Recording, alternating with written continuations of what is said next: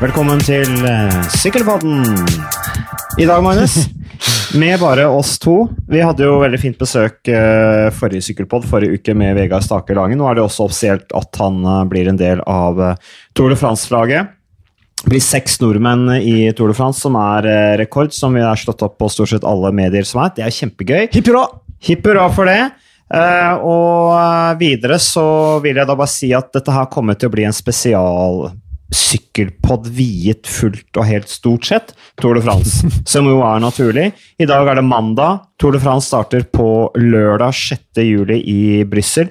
Du reiser ned på onsdag, ikke sant, Magnus? Vi reiser på onsdag, ja. Hmm. Ned til uh, saunaen i uh, Midt-Europa. Ja, men lørdag er det spådd uh, lett bris, 16-19 grader i Brussel. Åh, oh, det er jo vestlandsvær. Det kan vi like. Ja, så Det er jo ikke noe å rope så høyt for. Men Jeg snakka med mine foreldre som var i Sør-Frankrike i går. De sa det var, lå på rett i overkant av par og 40 hver dag. Så jeg gruer meg litt til den varmen, merker jeg. Men um, det, er Men, ikke, det er ikke verst for oss, tross alt. Nei, og jeg får spørsmål der med rytteren og om det kommer til å påvirke resultatene. Jeg gjør jo ikke det, fordi at proffrytterne er vant til den varmen. De, de, har erfaring med det, de. Jo, men det er jo noen som sliter mer enn andre i den varmen. da. Ja, det er det, men, eh, men allikevel så er de, de er rutinert på den type varme. Og det så vi bl.a. i VM i Qatar i 2016. Hvilke, hvilke, det, var proffene som takla det best. Blant juniorene i U23 og sånn, så var det ryttere som klappa sammen. Men proffene, da var det ingen som fikk heteslag eller klappa sammen. Ja, de syntes det var varmt, men de har erfaring med det. Jo, så, så er det noen sånn som sånn, Thibaut Pinot har jo en sånn notorisk svakhet for uh Uh, nei, ikke svakhet for. Svak når det er varme. Altså Enkelte sliter jo tydeligvis med å dehydrere seg. da. Så jeg tenker jo kanskje at det jeg Kanskje vi er litt uenige, for en skyld. Jeg tenker at det kan spille en rolle. At det er forskjellig hvordan rytterne egentlig håndterer den varmen. Jeg tenker, er ikke vi ganske ofte uenige? Magnus? Jeg føler jo ofte litt for enige. At, at, vi ender opp med å bli enige likevel? Ja, egentlig. At vi får snakka om det, og så, og så, er vi enige? Men jeg tenker uansett at varmen blir et ekstra element, da, hvis det faktisk stemmer at det skal være varmt så lenge, så tror jeg det kan påvirke um, sammenlagt rytterne. Det tror jeg faktisk. Jeg tror noen type sånn Quintana Bernal og sånt, sannsynligvis håndterer det bedre enn et par av disse franskmennene som er så skjøre som eh, papirfly. Disse her eh, Bargill og Bardet og Pinot og de som er mer uh, følsomme for endringer i været på godt og vondt. Men uh, Frans Edersjø har jo sånn kjøleapparat i en buss, har det ikke det? Sånn kryoterapi, eller hva ja, det var som Dagotto prøvde for noen år siden. Han fikk jo altfor masse energi, da. Ja, han gjorde det, ja. ja. Han fikk en boost? Ja, han fikk en voldsom boost. Og han har jo nok energi fra før, den fyren. Men det var gøy, det. Ja, Men kanskje du skulle tatt det, du òg, Magnus? For det hender jo at du er litt sliten. Du er jo tross alt eh, dagens unge generasjon som er mye mer sliten enn oss eldre. Vi møter ofte veggen. I ja, det gjør det. Så det har vi alle følt på. Kanskje det er det dere trenger, dere ungdommene? Litt mer sånn kyroterapi? Men nok om det. Eh, la oss først bare bli ferdig med det som må tas av eh, det formelle. Altså, Vi har hatt de nasjonale mesterskapene. Der eh, På kvinnesiden så vant Ingrid Lorvik foran Susanne Andersen og Ingvild Gåsjen. Gratulerer til henne. Flott soloseier. Og så hadde vi Amund Grøndal Jansen som vant fellesstarten. og konsentrerer oss om fellesen. Det er den som vi snakker om nå. Eh, og du var ikke NM, du var på tempoen. Hva er det mest tabloide du kan ta med deg fra NM Tempo, hvis vi da snakker om det vi ikke skulle snakke om? nemlig tempo? Uh, tronskifte. Det var veldig mange som var inne på det at Edvald Boas Nagen sin tid er, er forbi som en sånn ubestridt tempokonge. Alle sa det med en sånn glimt i øyet, for ingen har jo noe imot Edvald. Men uh, at nå kanskje kommer en ny generasjon som tar over og du vinner tempoen i en alder av 20. Jeg husker jeg sto før start og snakka litt med Uno X-folka. og sa jeg, jeg er jo ikke så smart alltid, så jeg sa liksom at det tror jeg faktisk ikke går. Jeg tror Edvard kommer til å vinne med et minutt. 50 km, kanonform. Kanonform? Ja. ja, iallfall i Dauphiné. Altså, han var jo, kom jo åpenbart i, i, god form for Tour de France. da. Så jeg sa liksom til Unex-folk at jeg tror ikke det blir deres dag. Det fikk jeg høre etterpå, da. Igjen, selvfølgelig. Ja, hva sa jeg, sa da? Men uh, nei, det var sjukt imponerende. Så var det gøy å se at uh, Knotten er liv i gamle skrotten der. Eller gamle han er vel 20 år, da, men vi har jo hørt om Iver Johan Knotten i en del år nå. Så gøy å se at han ja, er på Det var litt opptur. Det syns jeg var litt gøy, altså, at han fikk blåst liv i han igjen. Mm. Eller at ikke vi fikk, men at han fikk blåst liv i seg selv. Uh, og satte seg selv på radaren, som jo Han er jo et stortalent. Uh, var jo med i junior-VM i 2016 eh, i Qatar. Eh, hadde mye bra resultater, Mm. eh, Knotten. Alle snakket om han. Slitt på fellesstart og hatt litt utfordringer. eh, Som eh, har gjort at det har gått litt tungt de siste par årene. Men eh, nå blir det spennende å se på utviklingen hans videre. Absolutt. Og så vil jeg gi litt sånn honnør til eh, arrangøren, faktisk. Arrangøren av norske sykkelritt får jo ofte drit. Ja, vi snakket om det forrige gang. Ja. Men det, det, det tempogreiene var ganske kult. Det var litt sånn uh, mini-Fløyen-tempo. Det var opp liksom den der eh, liksom, brosteinsbelagte bakken opp til festninga i, i, Kongsvinger, og det var um, veldig god stemning, faktisk. Uh, og det var fint vær, så det hjelper alltid. Men det var et kult arrangement, og det var kul løype. Uh, så det var en etterlengta opptur for et et sykkelarrangements-Norge som vi har med, med om dagen. Ja, men Kan vi ikke bare bli enige om at de fleste sykkelrittene som arrangeres i Norge, er egentlig veldig veldig gjennomført? Det kan vi være enige om, men det er jo igjen de som eh, ikke er så godt gjennomført, som får mest oppmerksomhet. Ja. Sånn er det jo. Sånn er det å være tabloid, og vi er veldig tabloide. Vi er jo tross alt eh, Sykkelpodden, så vi søker etter det mest tabloide. Men det var altså det mest tabloide, det var altså at eh, vi fikk et troneskifte. Eh, hva er gjelder verst, tempo i Norge. Vi gratulerer Andreas Leknessund med det. Andreas som også ble nummer to da i, eh, på NM fellesstart. Eh, og der var det jo Tilbake til tabloide. Der ble det jo kontroverser i eh, spurten. Men har vi noe mer om det? Jeg, jeg Hvor at... sinte var de på hverandre etter målgang der? Du, ingen av oss var jo der. Nei, så vi har jo ingen forutsetning for å mene så masse om det, men jeg tenker jo, det så ut til å roe seg ganske kjapt. da. Eh, og jeg er jo enig i, i Grønner Jansen sitt resonnement i at det er raskeste veien til mål, og det er en sving der. Hadde det vært beint oppløp, så mener jeg det var disk. Men i og med at den svinger til venstre, som folk så, så er det mer innafor å kunne velge linja som går rettest til mål. Er du ikke enig? Jo. Første gang jeg så den, tenkte jeg oi, shit, den var på kanten, men til mer jeg ser den, tenker jeg at det der er innafor. Ja. Nei, så Vi gratulerer Amund Grønvold Jansen med seieren. og Han er jo han er er veldig på, på sporet nå. Øh, Vant nylig ZLM-tour, vant en etappe der. Ble to i Ketcherdon Kerk. Nå får han norsk mesterskapstrøye.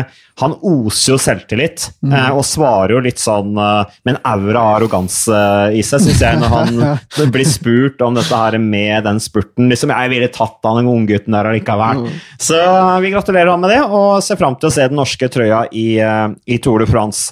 Ellers, eh, når det gjelder eh, mesterskap Peter Sagan skal for en gangs skyld ikke Eller han skal for en gangs skyld ha på seg den ordinære lagdrakten på første etappe av Tour de France. Og det er første gang på åtte år, da med unntak hvis vi tar vekk tempo og, og nasjonale mesterskap, at Peter Sagan faktisk sykler i ordinær lagdrakt.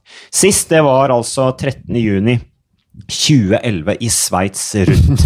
Så det må jo bare være et tegn på at Sagaen er på vei ned. Ja, jeg tipper han eh, er bedre enn noen gang i sommer. Han må bare skynde seg å få på seg den grønne trøya. Ja, det må han faktisk. Men det jeg synes var veldig kult i helga, var jo faktisk at eh, han vi er veldig glad i, han heter Varn Bargill, plutselig ble fransk mester. Stå opp litt fra de døde og plutselig melde form før Tour France. Det kan bli gøy. Hvis han og Alle Filip får en ny sånn duell i, i fjella, litt som i fjor. Han kler den Ja. tricolore-trøya. Ja, ja. Ja, Han er jo en yndling. Han er er jo liksom eh, eh, Uten samling for øvrig, den nye Richard Virenk. Ja, akkurat. Så det var gøy, og så så vi at han eh, gode, gamle Valverde vant. Det var jo ikke overraskende på heimbane, men det var jo mm, Jeg er spent på den komboen av verdensmester pluss spanskmester pluss Movistar-trøye i Var ikke det at Valverde vant den mesterskapstrøya? Hva skal med den? Han er jo verdensmester. Altså Ja, hvordan skal de Ja, det, det, det tenkte jeg var første hvordan, hvordan ser den trøya ut? Ja, det blir spennende. Det blir spennende. En sånn der blanding av regnbuestriper og spanskmesterskapsstriper. Blir gøy. Det gleder vi oss til. Da er motepolitiet ute og kaster terning, Magnus. Så det ser vi fram til. Eh, Er det noen flere eh, nasjonale mesterskap du har lagt spesielt merke til? Mm, Jeg tror alle syns det var gøy at Ben Swift vant i Storbritannia. Han har jo hatt sine trøbbel med skade ganske heftig de siste åra, og ting har gått stang ut. og Sympatisk type. Det synes- folk syns var gøy. Eh, og så så vi jo at Tim Merlier vant i Belgia. En ny sånn cyclocross-rytter som plutselig vant belgiske mesterskapstrøya. Det var litt overraskende.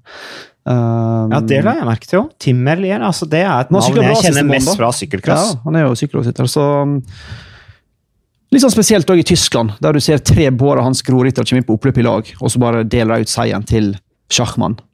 Hvis det var Andreas Schillinger, så ble det med tre der, da. Som han jo ingenting noen gang. Og bare skulle gi fra seg den seieren til Schachmann Er ikke jeg. Jeg skjønner at de vil ha tyske mesterskapstrøyer i Tour de France, og alt det greiene der, men det er bare skulle på gi fra seg sitt karrierehøydepunkt til en kompis istedenfor å vet ikke jeg, Det var dødskult hvis de tre bare sa ok, vi spurte om det. 200 meter, så begynner vi å spurte, og den som er raskest, får trøya.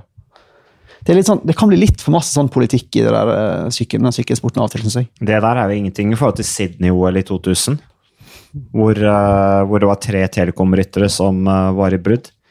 Det var jo helt episk, da. Ja. Med Kløna, Vinokorov og Ulrich, som Ja. fikk, fordelt medaljene på radio på radiokommen. Og de sykla ikke da egentlig på samme lag, for da syklet de jo nasjonslag. Jo, jo, men ta, Men de var proffer sammen. la oss sette oss inn i den eh, hvis, hvis du Andreas Schillinger i går, og du kom inn på oppløpet i, i Røyse sammen med Alexander Kristoff og Edvard Boasnagen, hadde du bare gitt fra deg seieren i så kom på samme lag?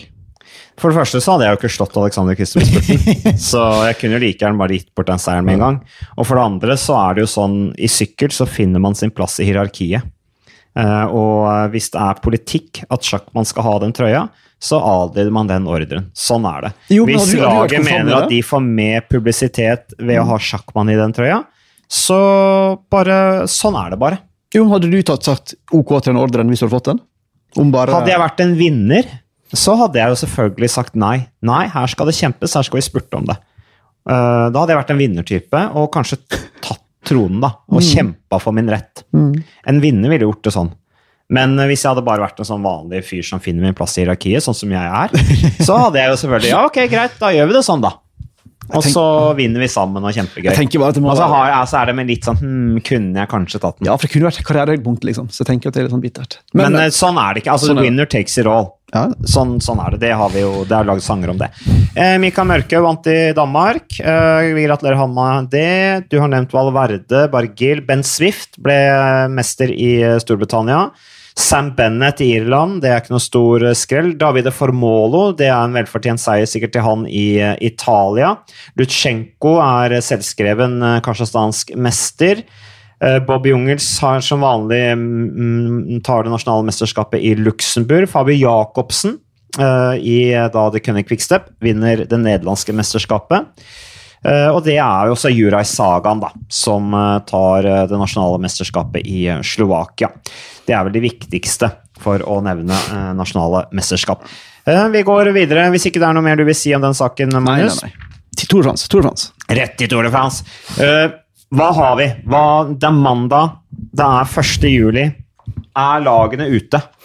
De aller fleste er ute. Vi mangler vel fortsatt uh, ja, Det blir jo per skrivende stund. Det blir jo uh, Dimension Data og EF Education First. Men de aller fleste lag er på, på plass. Tipper Dimension Data-gjengen sitter litt sånn og, og går fram og tilbake på om de skal ta med Cavendish eller ikke.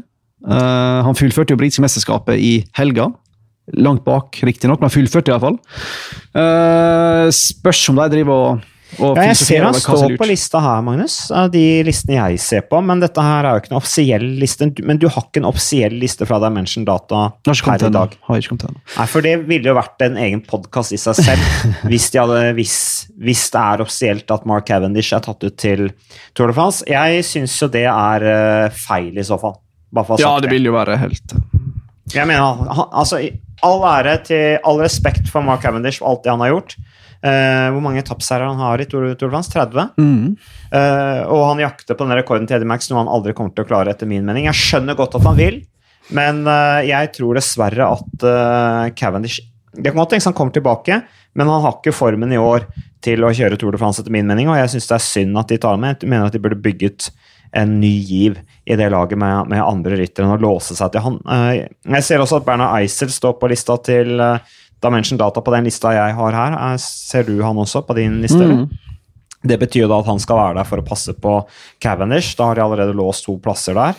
Jo, men han er jo god å ha uansett hvem som er Eisel, med sine kvaliteter som road captain. Og. Men hvorfor har de ikke tatt ut Nisolo, da? Som akkurat vant i, i Hvilket ritt var det? Det Slovenia rundt. Eh, han har de altså ikke tatt ut, da, i så fall. Ja, vi får vente å få eh, endelig bekreftelse, men det er jo helt merkelig. Men der er selvfølgelig Edvald veit vi er selvskreven, det har vi snakket om lenge. Uh, hva andre har vi eh, Astana-laget ser jo relativt eh, sterkt ut. Du nevnte Luis Leon Sanchez, som ble to i det nasjonale mesterskapet bak uh, evig Valverde. Pelle Bilbao, Isagirre, Gorka Isagirre, Jakob Fuglsang, uh, Aleksej Lutsjenko, Magnus Kort, Oma Fraile, Hugo Hul, eh, eh, canadieren i eh, Astana. Sterkt lag. Ja, veldig veldig sterkt lag. Eh, jeg har som sagt ikke trua på at Folsang eh, kommer på pallen.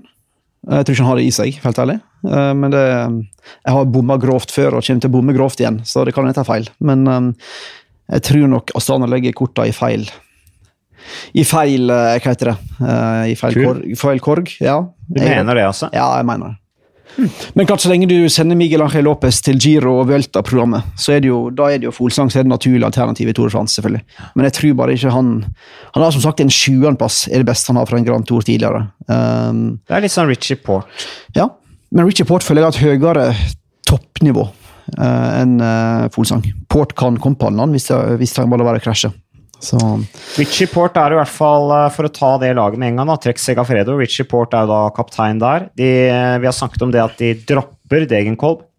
Eh, Det har vi pratet om på forrige podkast. Richie Port er da, sykler da Tour de France sammen med Bauke Molema, Julian Bernard, Julian Chicone, altså bakketrøyevinneren fra Giro Italia, Condicort, som jeg føler Condicort er med på hvert eneste sykkelløp. jeg. ja. Har han noe fri i det hele tatt?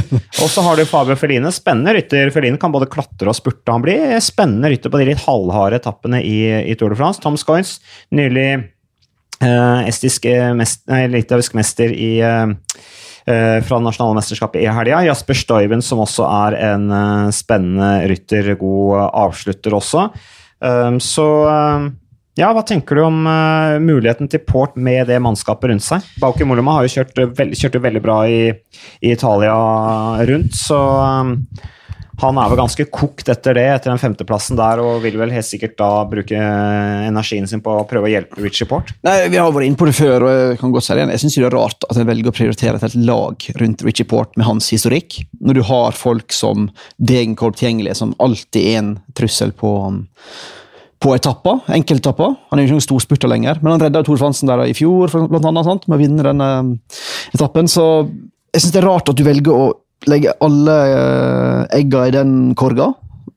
Richie Port kan komme pallen hvis han har tur, men ikke noe mer enn det, tror jeg. Så, men klart, så lenge du har Julio Chicone der og en Tom Scoyens, så kan du alltid kjempe om og Jasper Støyven. Du kan jo selvfølgelig alltid kjempe om etappeseiere hvis ting skulle skjære seg i, i sammendraget. Men jeg ville tatt med Jeg er som ofte uenig i, i Trekk sitt, sin policy på det meste, så Ikke veldig imponert, egentlig.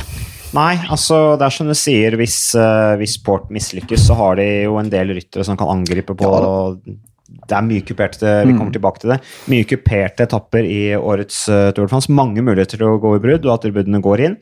Der har de da en del muligheter, hvis ikke sånn som Chicone er helt kokt etter Italia rundt, og Bauke Molum er Ja, helt ferdig etter Vanskelig å vite. Sånn i det der. Det, det virker litt sånn impulsivt. Liksom, 'Å ja, du kjørte bra i giroen, da kjører du sikkert kjempebra i Tour de France også.'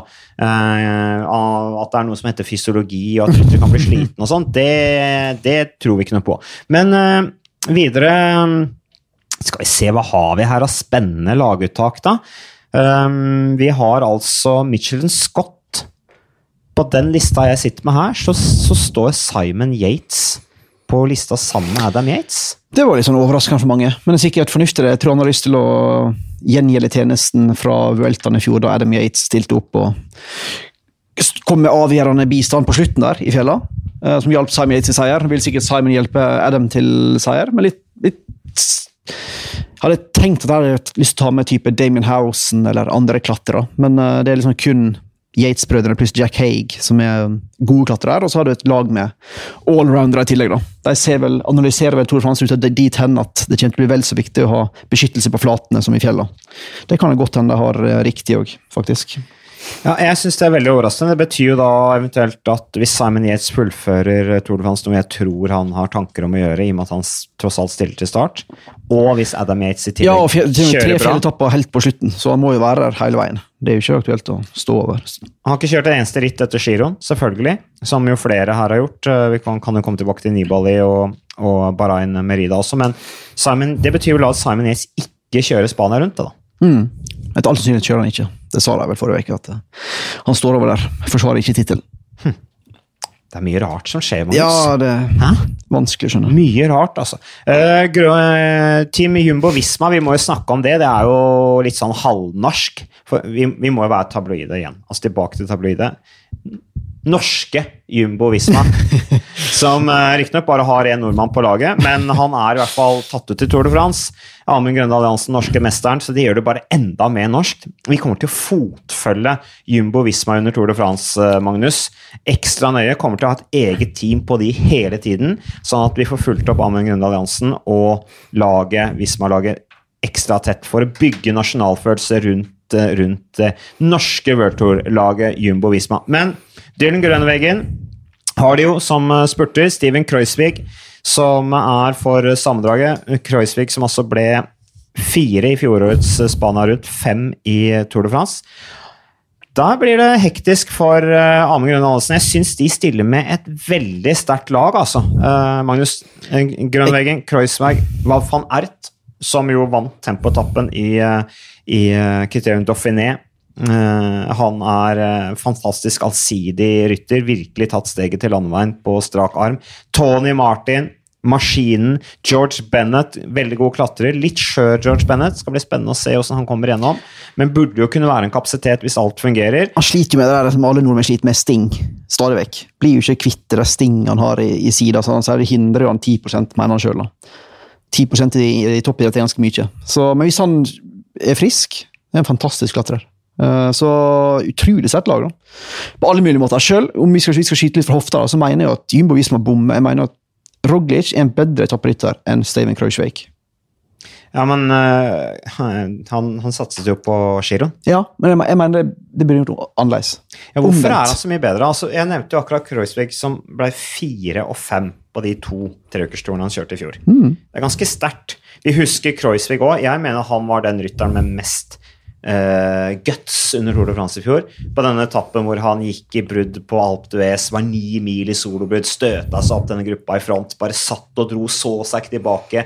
Alle bare satt på hjul, datt av som fluer bak han. Uh, han. Han bare fortsatte å kjøre på, ofret jo egentlig mye av egne sjanser der, mener jeg. Um, Men, men, og Roglic, fikk en flott femteplass. jo, men Roglic har et høyere høgstnivå. Og jeg tenker jo Hvis jeg skulle tatt ut et lag til Tour de France, da ville jeg hatt mine beste menn der. Og for et Jumbo Visma-lag som ikke De er jo ikke italienske, så det er jo ikke sånn at giroen er ekstremt viktig for dem, som det ville vært for italienske lag, f.eks. Sånn altså. Så jeg, jeg ville tenkt at i og med at Roglic var så sterk i fjor, ble han med fire Tour de France, han var ekstremt sterk i år, så kjører han i vanvittig mange ritt før giroen. Du gir han lite hjelp i fjellene i giroen. Du, jeg mener, du overkjører han òg, egentlig. Altså, du sender på for mange ritt. Han blir jo sliten, den fyren. Vant jo alle etappene han starta giroen, men det ble for mange følgere. Så jeg stusser jo litt på at de ikke um, prioriterte annerledes. Men når det er sagt, så har jo de mye mer peiling enn hva jeg er. Så jeg skal ikke sitte her og si at de bommer, men jeg ville, solgt, jeg ville sendt min beste etapperytter til Tour de France. Og jeg mener at Roglic er hakket kvassere enn Krausveig. Ja, men tror du ikke det en altså Roglic har jo på en måte Han har ikke satsa så hardt på å vinne en Grand Tour før. Uh, nå gikk han all in på giroen. Uh, kom på ballen. Bra, det. Og så er han jo han er jo slovener. Det er kanskje noe med nærheten til Italia at det betyr kanskje litt eh, for han. Og at det var en viktig at, I og med at han gikk all in nå, at kanskje det var en viktig test. Uh, og så uh, Han gikk men for så vidt all in i, fjor. Tour de France i fjor, Ja, da med fjerdeplass. Men Kreuzberg er jo nederlender òg. Kanskje liksom vurderer det sånn at det er viktigere å få fram han i det viktigste rittet, fordi at de har mulighet til å lykkes med han akkurat nå, at han prioriteres foran Roglic. Jeg tenker at det er så enkelt at det var mer tempo i giroen. Og Roglic er vant til to tempotapper der og er jo bedre temposyklist. At det passer han bedre. Men um, bortsett fra akkurat kapteinsvalget, så er jo laget sjukt sterkt, da. Så um, Ja, vi er imponert over det laget der, altså. Ja. Så eh, se opp for eh, Jumbo Visma. Jeg tror at de kan være med og kjempe om seieren også på lagtempoen. absolutt. På etappe to, som er lagtempo. Lawrence de Pluss og Mike Tønnesen er de siste to plassene der på det laget, hvis vi skal tro den lista vi sitter med her. Um, UAE Team Emirates, uh, Fabio Ro kjører, uh, ifølge den lista jeg har her. Uh, er det det i forhold til de nå? Ja. Sven Erik Bystrøm, Rui Costa, Sergio Henao, Alexander Kristoff, Vegard Stake Langen, Dan Martin og Jasper Philipsen. Hvem er opptrekkeren til Alexander Kristoff der, Magnus? Nei, det er jo bare å stikke fingeren i været. Det er jo vanskelig å skjønne. at Philipsen skulle jo egentlig ikke sykle Tour de France, og så ble han hevet inn på slutten, rett før. Men du er ikke med Ferrari eller Mercato. Så det må jo på en måte være en slags kombo av at Bystrøm og Philipsen skal hjelpe Alex fram der. Men spørsmålet er om du jeg tenker at vår sjanse er å plassere Kristoff på hjulet til en av spurterne, og at vi ikke sjøl trenger et veldig stort uh, tog. De har jo ikke det ideelle oppdragstoget i utgangspunktet heller. Men, uh, Nei, i utgangspunktet har de ikke oppdragstog Nei, det har ikke det. Så jeg tipper at de tenker at det viktigste bare å få han i en posisjon, og så får han gjøre jobben sjøl. Så uh, Philipsen, første Tour de France, usikker. Men uh, artig han får sjansen, da, for så vidt. På hjemmebane og er jo supertalent, Jesper Philipsen. Men um, virker litt sånn um, får sånn impulsivt preg over laget, både med Aro og Philipsen inn der. og Måtte selvfølgelig endre litt da Gaviria trakk seg ut. Ja, nei, så Vi tror at Kristoff må klare seg ganske mye aleine inn i spurtene. Og det har han vel for så vidt uttalt allerede også. Han har ingen opptrekker. Eh, hvis ikke Jasper Philipsen overrasker veldig. altså Sven Erik Bystrøm, eh, all respekt for han, men han er ikke noe opptrekker, han heller. Han kan bidra inn, inn til siste kilometeren. Der, eh, og det er, det er, der det stopper, tror jeg. Og det skal bli spennende å se også om han eventuelt får noen sjanser. Svein Erik Bysum tenker jeg kunne vært en, en rytter som kunne kanskje fått litt muligheten til å gå i brudd og sånne ting. Det blir spennende å se om han får muligheten til, til det. Men uh, hva har vi mer? Altså Sunweb, som jo har måttet endre litt på laget sitt etter at Tom Dumoulin Uh, trakk inn håndkleet pga. vondt kne. De sitter da igjen med Michael Matthews som uh, den største profilen. Tatt ut uh, Wilco Kellermann, som jo halta seg gjennom uh, Sveits rundt uten å få til noe spesielt der. Har jo hatt, fikk jo til et brudd i nakken, i en nakkevirvel. Slitt med det, selvfølgelig. så har de danske Søren Krag Andersen, Nikias Arnt, Kes Bohl som jo har hatt en bra sesong. Eh, han kan gjøre det bra i, i spurtene. Eh, Chad Haga, som eh, jo er spennende at de sender Chad Haga der. God temporytter. de har et bra tempolag der Sunweb Haga som vant siste tempoetappen i, i Giro Italia. Lena Kemna som var bra i fjellene i Sveits rundt. Spennende å se hva han kan gjøre. Og så er det gamle Nicholas Roach som kjører i Team Sunweb. Så ja, det er også et lag som liksom har mista litt uh, ja, når du mister Dumoulin, så mister du helt fasongen, selvfølgelig. Så det blir jo et lag med opportunister og litt sånn overraskelser i både Case Bool og Kemna, som sykla bra i Sveits, syns jeg. Så jeg tror jeg på gangen tok litt sånn pause fra sykkelsporten en stund i fjor. Uh, virket å på gangen. Supertalent. Men det blir jo litt sånn ta det du får, virker det som. Jeg tror ikke Keldemann han kommer Altså, sorry, men Han krasjer jo hele tida. Så det er liksom vanskelig å basere laget sitt rundt Wilco Kellermann. Selv om kapasiteten er der, så er det stort sett uh, fall og brudd uh, i hvert store ritt han sykler. Så jeg tror ja. Michael Matthews får oppgaven i å redde den Tour Fransen for det laget der. Ja, hadde en fin start på sesongen, eh, Kellermann. Femtemann i UAE-tour, 14.mann i Paris-Nice sammenlagt, og så velta han da Catalonia rundt. Og så kom han tilbake i Sveits rundt med 29.-plass, og det var da første rittet siden mars. Så det er klart at uh, det er jo ikke så rart at han måtte jobbe litt for å komme gjennom det, men det blir spennende å se om han uh, allikevel skulle få det til da i, i, Tour de France. Vi trenger ikke nødvendigvis å gå gjennom absolutt alle lagene. Det er noen møster her som vi må ta, Magnus. Det er Team Injo, selvfølgelig. Geraint Thomas, Egan Bernal, og så er jo resten der bare for å serve, serve de to. Det er Casorrecchio, Kwiatkowski, Moskon, Pools, Roe og Dylan van Barl. Som jo er uh, kanskje Det er ikke noe overraskelse at det er Dylan van Barl, men ellers så er det laget der ganske sånn standard, vil jeg si. og vi har diskutert Har du gjort opp noen mening hvem du tror blir best av Thomas og ja, ja, ja. Bernal? Bernal. Ja, du tror vi er gjennom det òg? Ja. Jeg er gjennom nesten alt. Det ja, det tror jeg. Så um, jeg tror jeg skal vokte seg for å uh, stoppe hele laget hvis Thomas krasjer første uka. Jeg tror han må nesten dele laget inn i, i, to biter. på en måte, At den og den rytteren passer på Thomas, de og de passer på Bernal, og så på en måte se hvem som er best som kommer til fella. Samme taktikken som uh, Norge kjørte i VM i Danmark i 2011. Uh, ja, det var kjempesuksess. Med kjempesuksess. eh, Bahrain Merida. Eh, jeg syns vi skal snakke litt om de, eh, Magnus. Jeg føler for det. Vincenzo Nibali kommer tilbake. Og det er flere ryttere her nå som har kjørt giroen. En av de er Vincenzo Nibali. Og Nibali han ble altså nummer to sammenlagt i, i Italia rundt.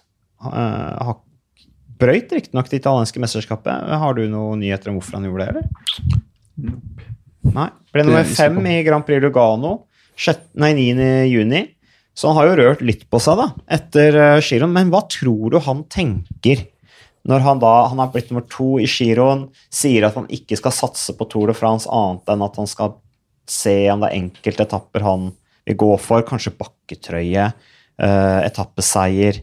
Men tror du han ser muligheten til å liksom hmm, Froome ute, Geraint Thomas litt usikker. Her lukter det gult trøye på gamle Nibali. Han har jo sagt han finner ut av det sjøl på etappe seks. Til La Planche Belfil. Der vant han jo i 2014. når han tog det. At han tar det derfra. Da ser han om han er i rute til å være sammenlagtsrytter, eller om han må satse på etappa. Jeg tenker at han, av alle, vil jo profitere på at Dumoulin og Froome er ute. En så kløktig rytter og så impulsiv og såpass sterk endagsrytter da, vil, tenk, vil favorisere veldig at du får mindre kontroll i rittet. Uh, men jeg kan ikke skjønne at han skal komme på pallen sammenlagt i Tour de France. Altså når Dumoulin og Froome klarte det, begge to, i Giro Tour-dobbelen i fjor. Begge var pallen i begge to. Men da var det ei lenger mellom. Jeg kan ikke skjønne at Nibali i den alderen er, skal klare å replisere det. Men uh, ja, gudene veit. Men det skal ikke være mulig, tenker jeg. Tror du ikke at Nibali kan, eh, hvis han taper nok tid på enkeltetapper, da, eh, og opplagt ikke går for sammendraget, at han kan ta en litt sånn Rafael Maika, slik han gjorde for noen år siden. Det det Banke løs på fjelletapper, herje, skåre masse bakkepoeng, ta bakketrøya, vinne enkeltetapper og herje og kose seg på, på disse tøffe etappene. Jo, det er vel det som er litt av ideen òg. Men um, jeg vet ikke, Vincenzo Niba, dette klatretrøyet, det føles litt sånn uh, Skal jeg si Litt sånn B. Ja, B. til, til en så stor rytter å være nøyaktig klatretrøye, det er mer Rafael Maika. Det er liksom ikke Vincenzo Nibali. Men vi får nå se, da. Det er noe, Jeg er helt enig i det. Mm. Altså, hva gir det karrieren hans å vinne klatretrøye? ja. Liksom, ja. Ja, ja. Nei, vi får se. Ellers så kjører vi med Damiano Caruso, Sonny Colbrelli, Ivan Garcia Cortina. Rowan Dennis, som jo ble to i eh, Sveits rundt, sier jo Rowan Dennis at han skal kjøre Giron, nei, Tour de France for å lære av Vincenzo Nibali. Matja Moric, eh, som dette er dette supertalentet som vant både junior-VM og U23-VM året etter junior-VM. Er den første historien som har klart det. Han kjører da selvfølgelig på Bahrain Merida. Dylan Tøynes og Jan Tratnik kjører da i Bahrain Merida. Så um, Ellers så kan vi jo se hvilke spurtere har vi her. Vi har altså Caleb Ewan. Er en, eh, en mann som eh, vi forventer skal vinne en etappe. Vi har uh, Alexander Kristoff, som ikke får uh, terningkast. Han er, ikke, han er ikke den beste av spurterne. Han er ikke den som kommer til å uh, løftes fram som soleklar favoritt på etappe én, men er, vil jo allikevel være der oppe og kjempe. Det skal bli spennende å se. Gronevegen er definitivt en rytter vi gir mest stjerner. Fem stjerner er det fem stjerner vi går for. Mm. Hvis vi skal snakke i Tour de France-termer, da gir det fem stjerner. Det er liksom det beste du kan få. Vi har uh, selvfølgelig uh, Viviani. Så da har du også Jun, Grøneveggen, Viviani. Uh, og så er vel Det er vel de tre beste spurterne i feltet. Ja, så er det jo, la oss være ærlige, da. Det er jo ikke det spurtfeltet Tour de France vi har blitt vant til siste åra. Uten, uten Gaviria, uten en Kittel, uten en Cavendish, i alle fall i stor form. Uten en Sam Bennett, uh, Ackermann. Altså, det er ganske mange store store spurtnavn som mangler. da. Så det ligger jo dekka for at uh, Grønvegen tar tre, tre etapper, kanskje. Caleb Ewan tar et par, Viviani får en, kanskje. Og Sagan tar selvfølgelig alltid en. Men um, Greipel er jo litt sånn off, eller helt off, uh, det meste. Uh, så du Ja, mangler jo liksom den samme nivået på spurterne vi har hatt de siste åra, egentlig. da. Men det er jo for så vidt godt nytt for en type som Alexander Kristoff, da. Ja, jeg kan selvfølgelig bare legge til at Greipel er tatt ut på Arkea Samsic sitt lag. Jeg er faktisk litt overraska over det, så langt nede som han har vært denne sesongen, og så tungt som det har gått, at de tar han med. Men eh, ja, det skal bli spennende å se. Eh, så eh, det er det. Er det noe mer du vil si om eh, Tour de France-feltet Når vi bare har liksom gått litt sånn overfladisk over det uten å gå helt i detalj på hvert lag? Nei, jeg tenker vi kan gå rett på løypa. jeg. Det var det vi egentlig skulle snakke om. Ja, da går vi på løypa. Løypa, vi har sittet og sett litt på det. Og for å ta et sånn kjapt sammendrag av løypa, så har vi, ser vi for oss at det er ca. sju spurtetapper. Eh, vi kan ta litt mer om det etter hvert, eh, Magnus. Jeg ser du rynker på panna. Så har vi to Én individuelt tempo og én lagtempo. Lagtempoen er jo allerede på etappe to. Og så har vi da kuperte, altså etapper som sannsynligvis er for harde for spurterne. Det er eh, fem etapper. Og så har vi fjelltoppavslutninger. Det er fem etapper.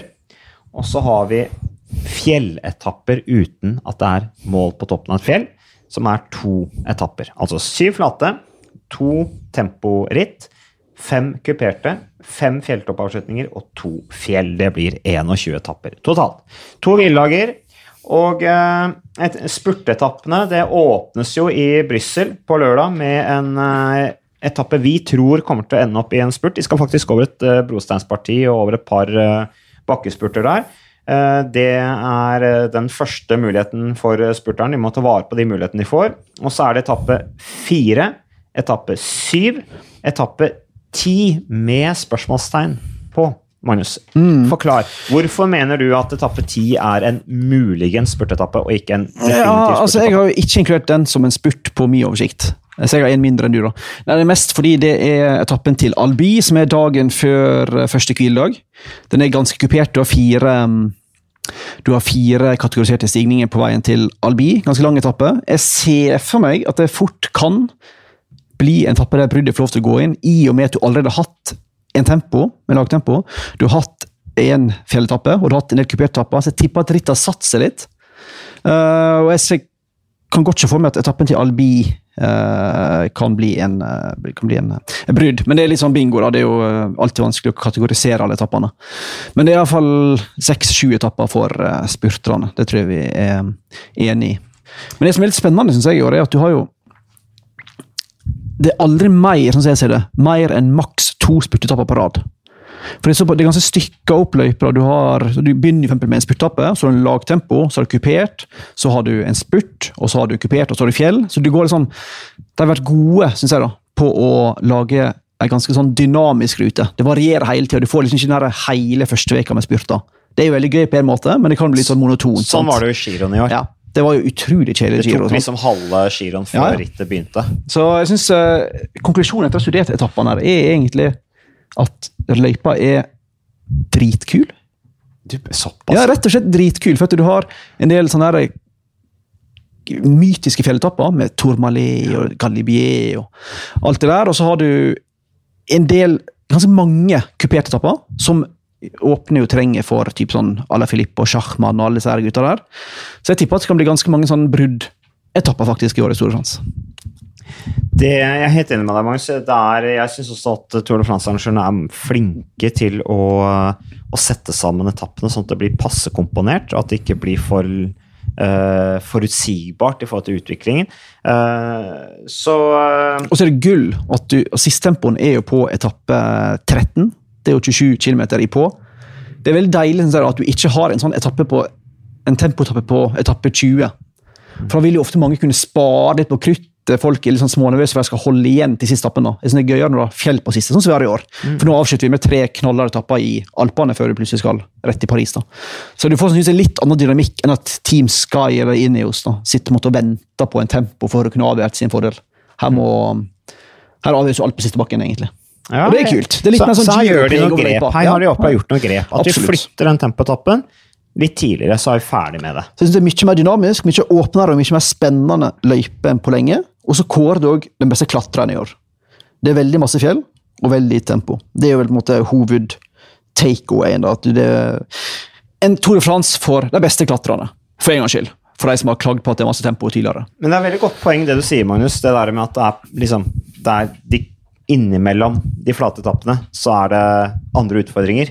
Eh, for, en, altså her er det flates, altså spurtetapper på etappe 1, 4, 7, ti, og så kommer det riktignok med ti hvis det blir spurt. Mm. Og så er det elleve, så der kommer det to etter hverandre som er relativt muligens spurtetapper. Men så må du helt opp igjen på fra 11 til 16, og så fra 16 da til 21. etappe. Ja, sant? og det, etappe 16 den er jo i NIM. Da vant jo Kristoff i 2014, husker vi. Da tok en Jack Bauer helt på slutten. Det var spennende. Men NIM er jo sånn, den etappen der er jo ofte utsatt for vind, så det er jo ikke, det er jo ikke bankers at det blir eh, en eh, spurt. Så det blir ganske langt mellom hva er muligheter. Jeg bodde jo ikke så langt fra NIM. eh, Jeg bodde jo i en område der når jeg var proff. Uh, Og der blåser jo katter og bikkjer og alt mulig rart. Litt som på Vestlandet. Uh, Ja, enda verre. Det er altså eneste sted jeg har blåst av veien på trening, det er nedi der. Uh, Og vi husker denne etappen som gikk der i området i 2016, hvor jo Peter Sagan spurtslo Chris Froome på en etappe som alle sa ville ende i en samla spurt. Så se opp for den etappen, der kan det skje mye. Eh, Og så har vi da kuperte etapper. 3, 5, 8, 9 og 17. Altså fem kuperte etapper, som er etapper som bare kom dere i brudd. Men det, det, Vi liker løypa, men vi- på sånn, på sånn eh, bipoeng er at for de som sitter og setter opp tourmanagerlaget, så er jo dette et helsike. For at Før kunne du ta med spurtere første veka, og så begynner du å hive inn litt sånn à la Filip og Bargill og sånt, og Maika i andre, topp- andre veka, og så tar du Froome sånn utover. da.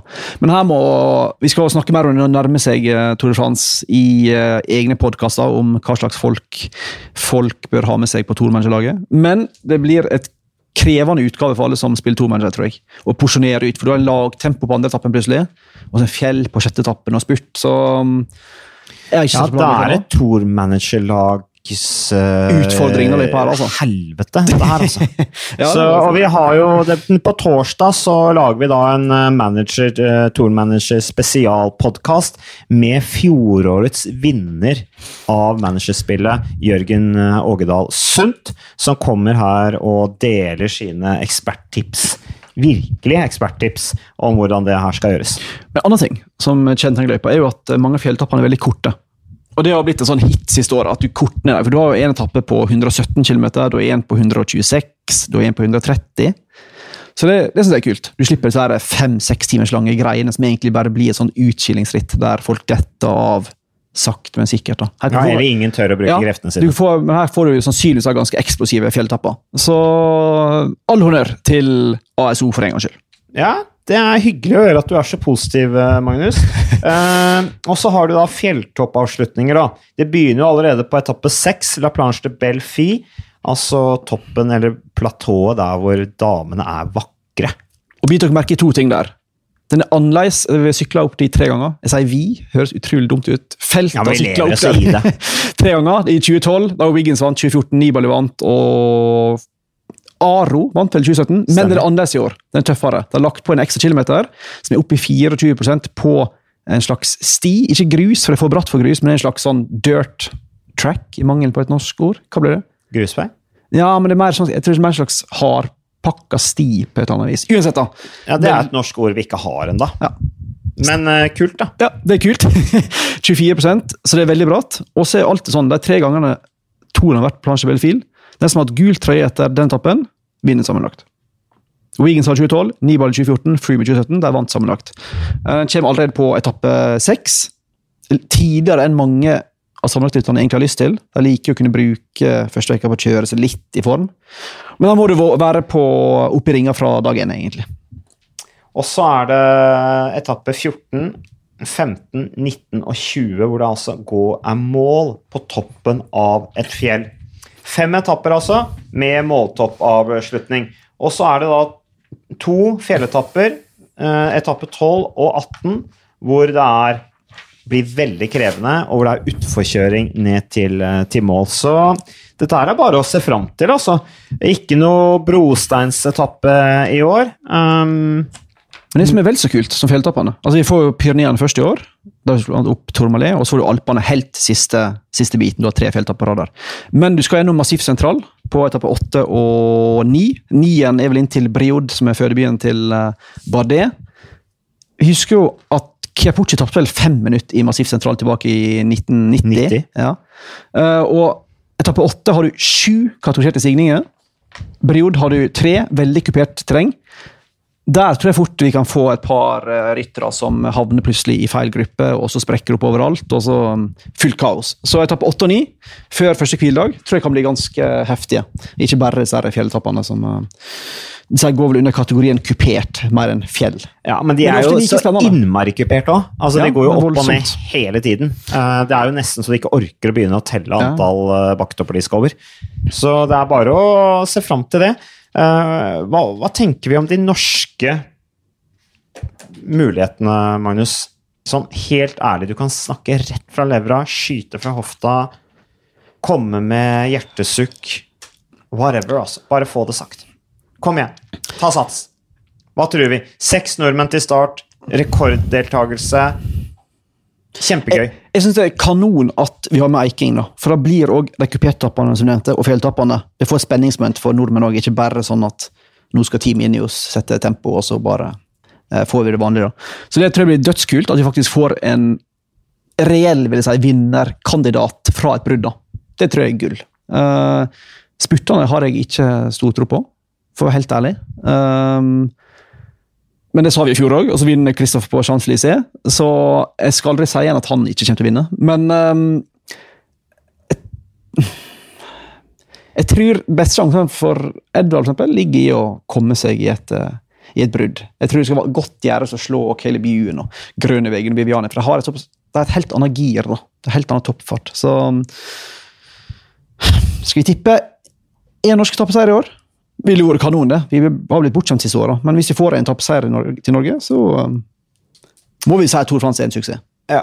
eh, vi går for etappeseier eh, til, eh, til eh, I hvert fall én etappeseier. Ja. Vi får se. Jeg er helt enig. Vi har jo vi har snakket om det også på forrige podkast, dette med, med Edvard Baasen Hagen sine sjanser, og jeg har jo lufta den veldig tabloide muligheten å gå for grønn trøye. Jeg vet ikke om han har hørt på meg eh, og lytta til det. Eh, det tviler jeg på. Men, eh, men Eiking er jo Det er jo absolutt en del etapper der for Eiking. Veldig mange. Og jeg vil jo tro at også for Edvald nå, nå kommer det helt an på formen hans. Du sa jo tidlig i denne sendinga her eller i denne podcasten her, at Edvald var kanonform. I Dauphiné syns han var meget, meget sterk. Ja.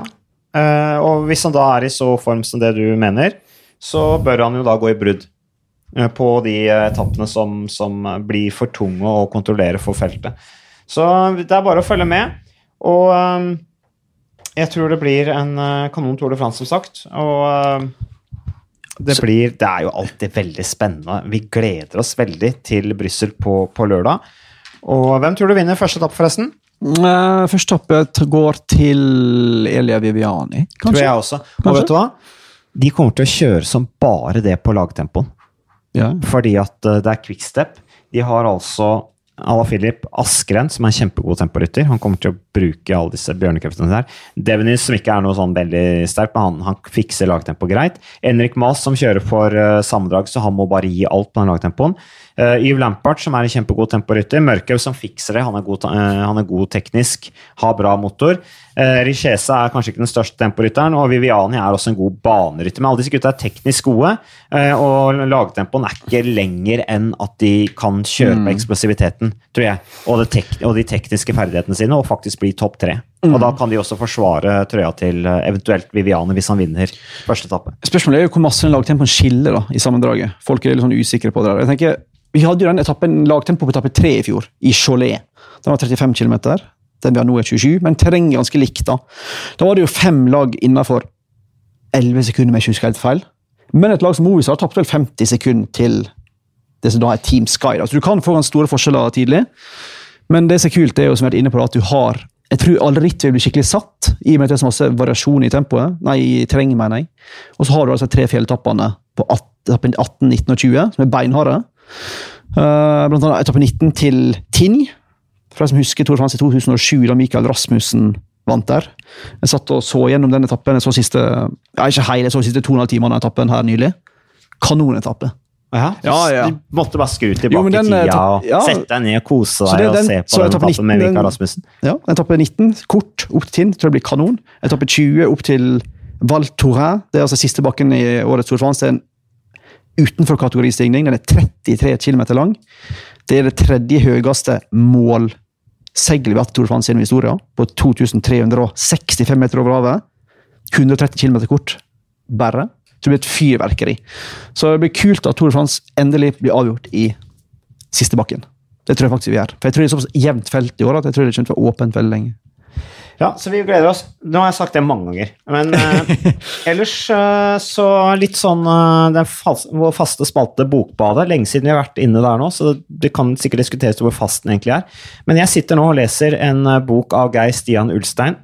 En fortelling om historiens hardeste sykkelritt og krigen som skapte det. To død fra hans etternavn, altså DØ. Tour de France. Som altså, Jeg har ikke blitt ferdig med den ennå, men uh, det er en uh, bok som dere sikkert kan kose dere med i sommer for å varme opp til etappene og kjøle dere ned etter etappene også. Men skulle du anmelde bok du ikke har lest? Eh, nei, jeg skal bare si at jeg ser fram til å anmelde den senere. Og at jeg har begynt å lese den. Eh, den handler altså om det første Tour de France etter første verdenskrig. Og det Så langt har det vært en god opplevelse. Så det er litt sånn bare naturlig, tenker jeg, å, å trekke fram litt uh, aktuell Tour de France-lektyre før, uh, før Tour de France setter i gang, i og med at det snart er fellesferie og folk skal av gårde eh, allikevel slappe av og koble av og sånne ting. Så kan jo det være en, en mulighet. Har du noe kulturbad, bokspeil, ting å komme med nå? Den boka med, om Miguel Indurain, ble du ferdig med den, eller? Ja, Den har vi anmeldt opp og ned i mente, tror jeg. Ok, da lar vi den ligge. Ja, det tror jeg vi gjør. Da tenker jeg at vi bare sier takk for oss, Magnus. Tror du? Du skal jo pakke Du er jo så stressa for du skal kjøpe sokker og alt mulig rart. Ja, nei, da At det inn går an å la seg stresse av sånne ting. i- Men altså, Utfordringen til Tour de France er jo én ting at det er lenge på jobb og tøft for syklistene, men det største problemet er jo at det er vanskelig å finne vaskeri. Så jeg har kjøpt inn uh, 20 par sånne her, eh, superkorte sokker. Sånne, jeg vet ikke hva det heter, sånne enda kortere enn sånne her ankelsokker. Sånne mm, ja, jentesokker, hva vi kaller det. Mm. 20 par, så da håper jeg kommer helt til, um, helt til eh, Paris. Ja, Så du driver med de der korte sokkene. Ja, alltid korte sokker. Da ønsker vi Magnus lykke til nede i Frankrike der med jakten på nye sokker. Og så ønsker vi alle lyttere takk for, eh, for følget. Så kommer vi tilbake ganske kjapt med litt Tour Manager spesial, som det er nevnt også. Vi kommer til å følge det opp i podkastform før og under touren. Så det er bare å lage Gå inn og lage lag. Kos dere. Og ja, helt riktig. Lag lag. Gå inn på Lag, lag. Tourmanager, og vi er tilbake på ny podkast med Tourmanager spesial. Takk for oss.